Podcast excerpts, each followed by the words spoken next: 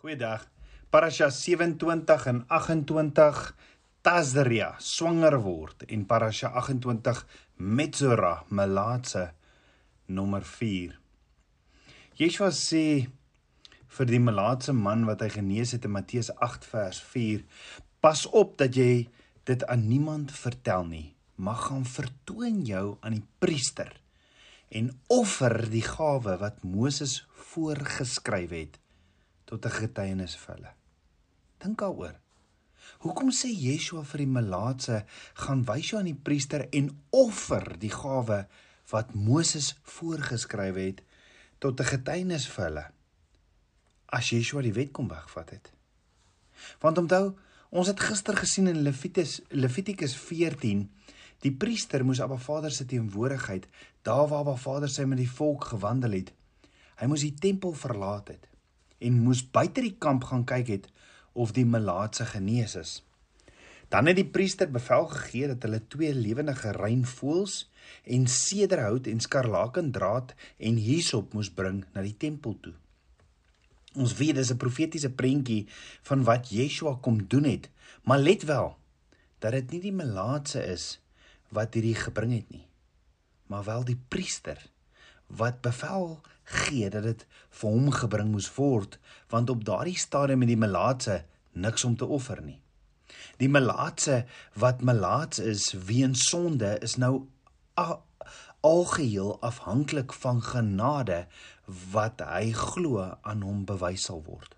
So dink daaroor, het Yeshua ons hoëpriester nie ook sy koninkryk die teenwoordigheid van Abba Vader verlaat?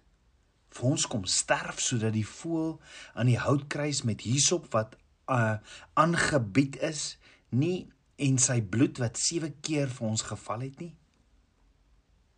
Het Yeshua nie soos daai voël wat aan 'n hout vas is met hisop homself aangebied en sy bloed wat ook dan 7 keer vir ons geval het nie Ja Yeshua het kom sterf vir ons verlossing en genesing.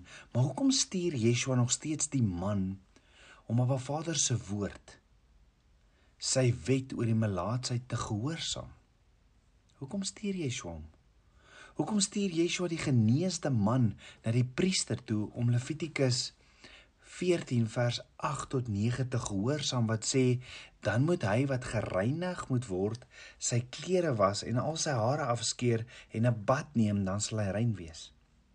En daarna kan hy in die laar kom. Maar hy moet 7 dae lank buitekant buitekant sy tent bly. En op die 7de dag moet hy as al sy hare afskeer, sy hoof en sy baard en sy wenkbroue. Al sy hare moet moet hy afskeer en hy moet sy klere was en sy liggaam in die water bad dan sal hy rein wees. So hier is die vraag is hoekom as Yeshua op 'n Vader se wette kom wegvat het? Sê Yeshua vir die melaatse Matteus 8 vers 4 Pas op dat jy dit aan niemand vertel nie, maar gaan vertoon jou aan die priester en offer die gawe wat Moses voorgeskryf het tot 'n getuienis vir hulle. Het Yeshua vir die melaatse gesê kom doen presies wat Abba Vader vir Moses voorgeskryf het? Tot 'n getuienis dalk vir ons? Met ander woorde het Yeshua ons hoëpriester sy koninkryk verlaat. Maar Vader se teenwoordigheid verlaat, ja. Homself kom kruisig aan 'n houtkruis vir die genesing en verlossing van sonde en nou kan ek aangaan met my sondes, my rebellie en ongehoorsaamheid, maar net soos voorheen? Of het Yeshua die prys kom betaal wat genade is sodat ons wat in staat is tot enige iets met hom wat in ons leef nou kan leef volgens Abba Vader se instruksies. Want hoor gega hoor gega weer wat sê Yeshua vir die malaatse in Matteus 8 vers 4 pas op dat jy dit nie dat jy dit aan niemand vertel nie maar gaan vertoon jou aan die priester en offer die gawe wat Moses voorgeskryf het tot 'n getuienis vir hulle. Met ander woorde gaan leef nou volgens Abba Vader se instruksies wat deur Moses voorgeskryf is tot 'n getuienis vir die wêreld. So hoekom sal daar verkondig word Yeshua die wet dan kom wegvat en niks kan jou meer onrein maak as Yeshua spesifiek vir die onrein melaatse wat nou genees is sê gaan vertoon jou aan die priester en offer die gawe wat Moses voorgeskryf het tot 'n getuienis vir hulle. Nee, Yeshua het sy koninkryk verlaat.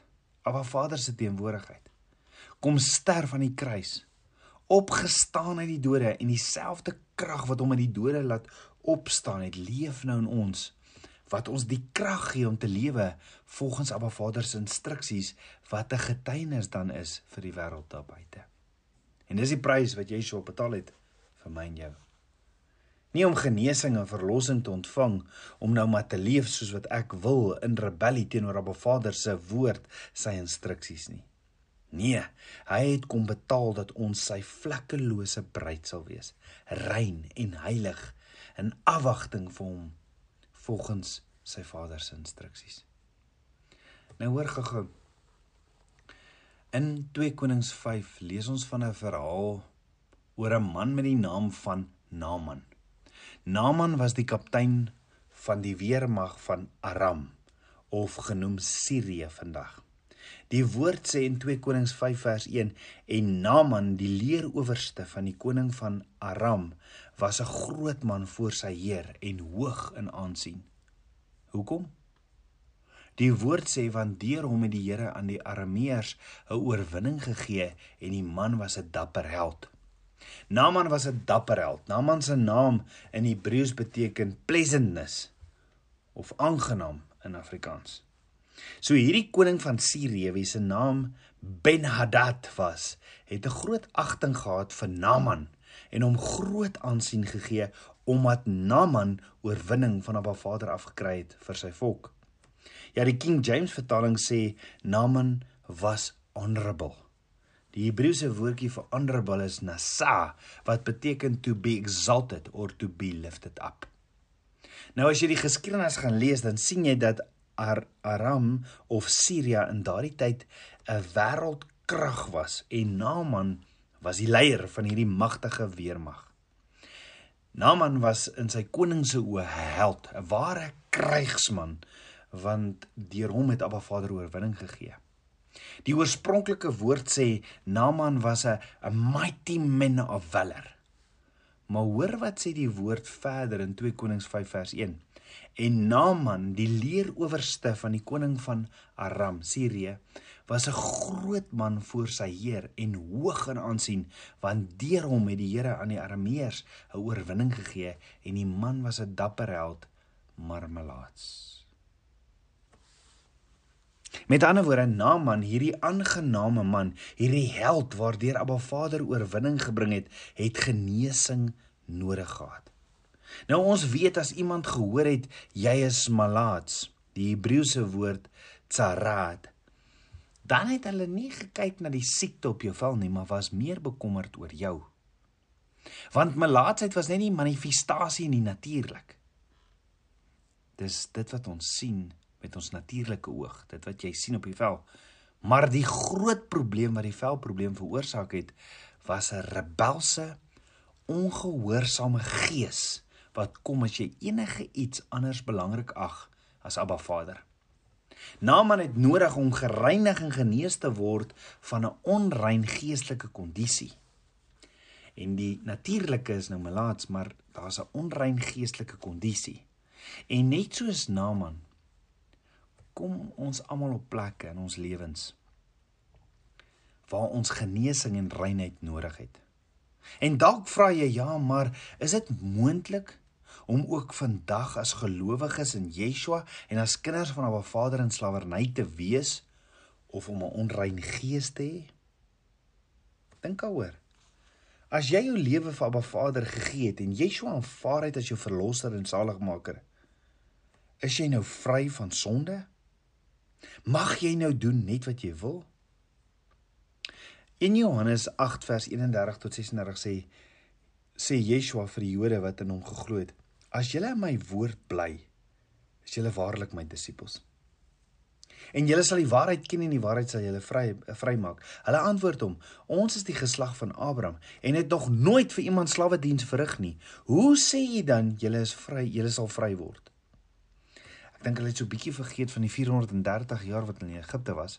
Hulle het ook vergeet van hulle omstandighede op daardie presiese tydstip, want op daardie stadium was hulle slawe van die Romeine en hulle sê Ons is die geslag van Abraham en het nog nooit vir iemand slawe diens verrig nie. Maar op daardie stadium was hulle slawe van die Romeine. Yeshua antwoord hulle toe: "Voorwaarvoor waar ek sê vir julle dat elkeen wat die sonde doen 'n dienskneg van die sonde is." Het jy dit gehoor? Elkeen wat sonde doen, wat is sonde nou weer? Sonde is wanneer ek Vader nie gehoorsaam, wanneer ek sy instruksies gehoorsaam nie. Elkeen wat sonde doen is 'n dienskneg van die sonde. En die dienskneg bly nie vir altyd in die huis nie, die seun bly vir altyd. As die seun julle dan vrygemaak het, sal julle waarlik vry wees. Nou ons ken hierdie teksvers baie goed. Maar het jy al ooit agtergekom hoe belangrik is die en in die begin van hierdie vers? Daar staan in Johannes 8 vers 32 en julle sal die waarheid ken en die waarheid sal julle vrymaak. Dit beteken mos daar is iets belangrik voor die bekende teksvers en dit is Yeshua sê as julle in my woord bly, is julle waarlik my disippels. So met wie praat hy? Met sy disippels. Met ander woorde as ek en jy Yeshua se disipel is en in sy woord bly, is ons waarlik vry. Dan ook vroeër in Johannes 8 vers 31 staan Yeshua sê vir die Jode wat in hom geglo het. Yeshua sê vir die Jode wat in hom geglo het. So Yeshua is besig om te praat met gelowiges in hom. So dit is duidelik moontlik vir gelowiges om slawerry te wees wat glo in Yeshua. En dan gaan Yeshua verder en maak dit baie duidelik, elkeen wat sonde doen is in slawerny. Die King James sê to be honest, die King James sê whosoever committeth sin is the servant of sin. Committeth beteken continue in sin for a long period of time. Met ander woorde enige persoon wat aanhou om 'n sonde te doen is in slawerny. So Yeshua sê vir die gelowiges en ook vir my en jou, as julle my woord bly, is julle waarlik my disippels. Julle sal die waarheid ken en die waarheid sal julle vrymaak. So hoor gou wat gebeur met Naaman. Want sien, Abba Vader werk op die amazingste maniere. Hoe groot is ons God? Jy moet weet Papa God praat nog altyd met sy kinders vandag nog en as ons nie wil luister nie, kan Abba Vader selfs 'n donkie met ons 'n donkie met ons laat praat. En hierdie weermag van die Arameërs Siria vandag waarvan Naaman die leier was, moes toe op 'n stadium Jerusalem toe gaan. En hulle neem toe vir hulle 'n klomp diensmaagde en diensknegte as slawe uit Jerusalem uit. En 2 Konings 5 vers 1 sê en die Arameërs het 'n bens het in bens uitgetrek en uit die land van Israel en 'n klein dogtertjie as gevangene is saam weggevoer wat in die diens van Naaman se vrou gekom het. Hoor geweer en 'n klein dogtertjie as gevangene is saam weggevoer wat in die diens van Naaman se vrou gekom het. Nou as jy gaan kyk wat beteken hierdie klein dogtertjie of diensmaagd in Hebreëus dan sien jy dit beteken insignificant and unimportant mate. Unimportant mate. OK, so Naaman, hulle gaan Jerusalem. En hulle vat 'n klomp mense met hulle saam toe hulle uittrek uit Jerusalem. En hier beland 'n klein onbelangrike diensmeisie. 'n Slaaf by Naaman se vrou by hulle. Dis amper asof die wêreld haar sien as hierdie little maid. Sy word amper gesien as hierdie amper wil ek sê niks werd in die wêreld se oë nie. Want Naaman in die wêreld se oë is hierdie hierdie mighty man of valor, hierdie hierdie held, 'n instrument in Abba Vader se hande. Iemand wat hulle pad in verbond saam met Abba Vader stap. En in sy huis beland daar hierdie onbelangrike klein dogtertjie. Hoor gou hierdie dogtertjie sê eendag vir Naaman se vrou by wie sy bly in 2 Konings 5 vers 3. Ag, was my heer Naaman maar net by die profeet wat in Samaria is, dan sou hy sy melaatsheid wegneem. Met ander woorde, hierdie dogtertjie het hierdie amazing hart vir Naaman. Haar hart is seer en sy wens as Naaman net by hierdie profeet van haar vader kan uitkom. Wat is 'n profeet? Iemand wat Vader se woord spreek. Uit die geestesrelm in die natuurlike relm. Jy sien hierdie dogtertjie se geloof en hart wat omgee plant toe 'n saadjie. Want sy sê sy wens as Naaman net hierdie profeet van Abba Vader kan uitkom. Nou 'n profeet in Hebreëus is Naba wat beteken 'n spreekbuis van Abba Vader. So hierdie dogtertjie se hart vir Naaman is dat 'n profeet, 'n man van God nodig het om vir hom te bid, om woord oor hom te spreek. Hoekom? want hy het genesing nodig van rebellie en hierdie eie ek. Naaman hoor dit toe deur sy vrou en Naaman is so so desperaat en skop nie daarteen nie.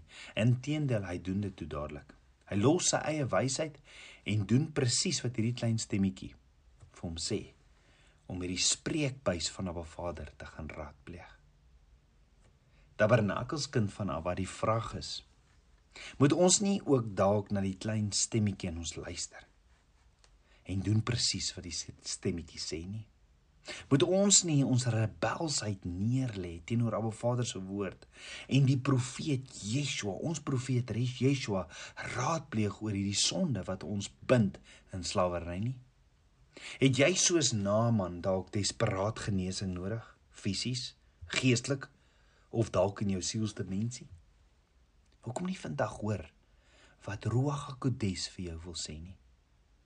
Openbaring 2 vers 29 sê wie 'n oor het, laat hom hoor wat die Gees aan die gemeentes die bruid sê. Kom ons bid saam. Aba Vader, koning van my hart, Vader, ek loof en ek prys U.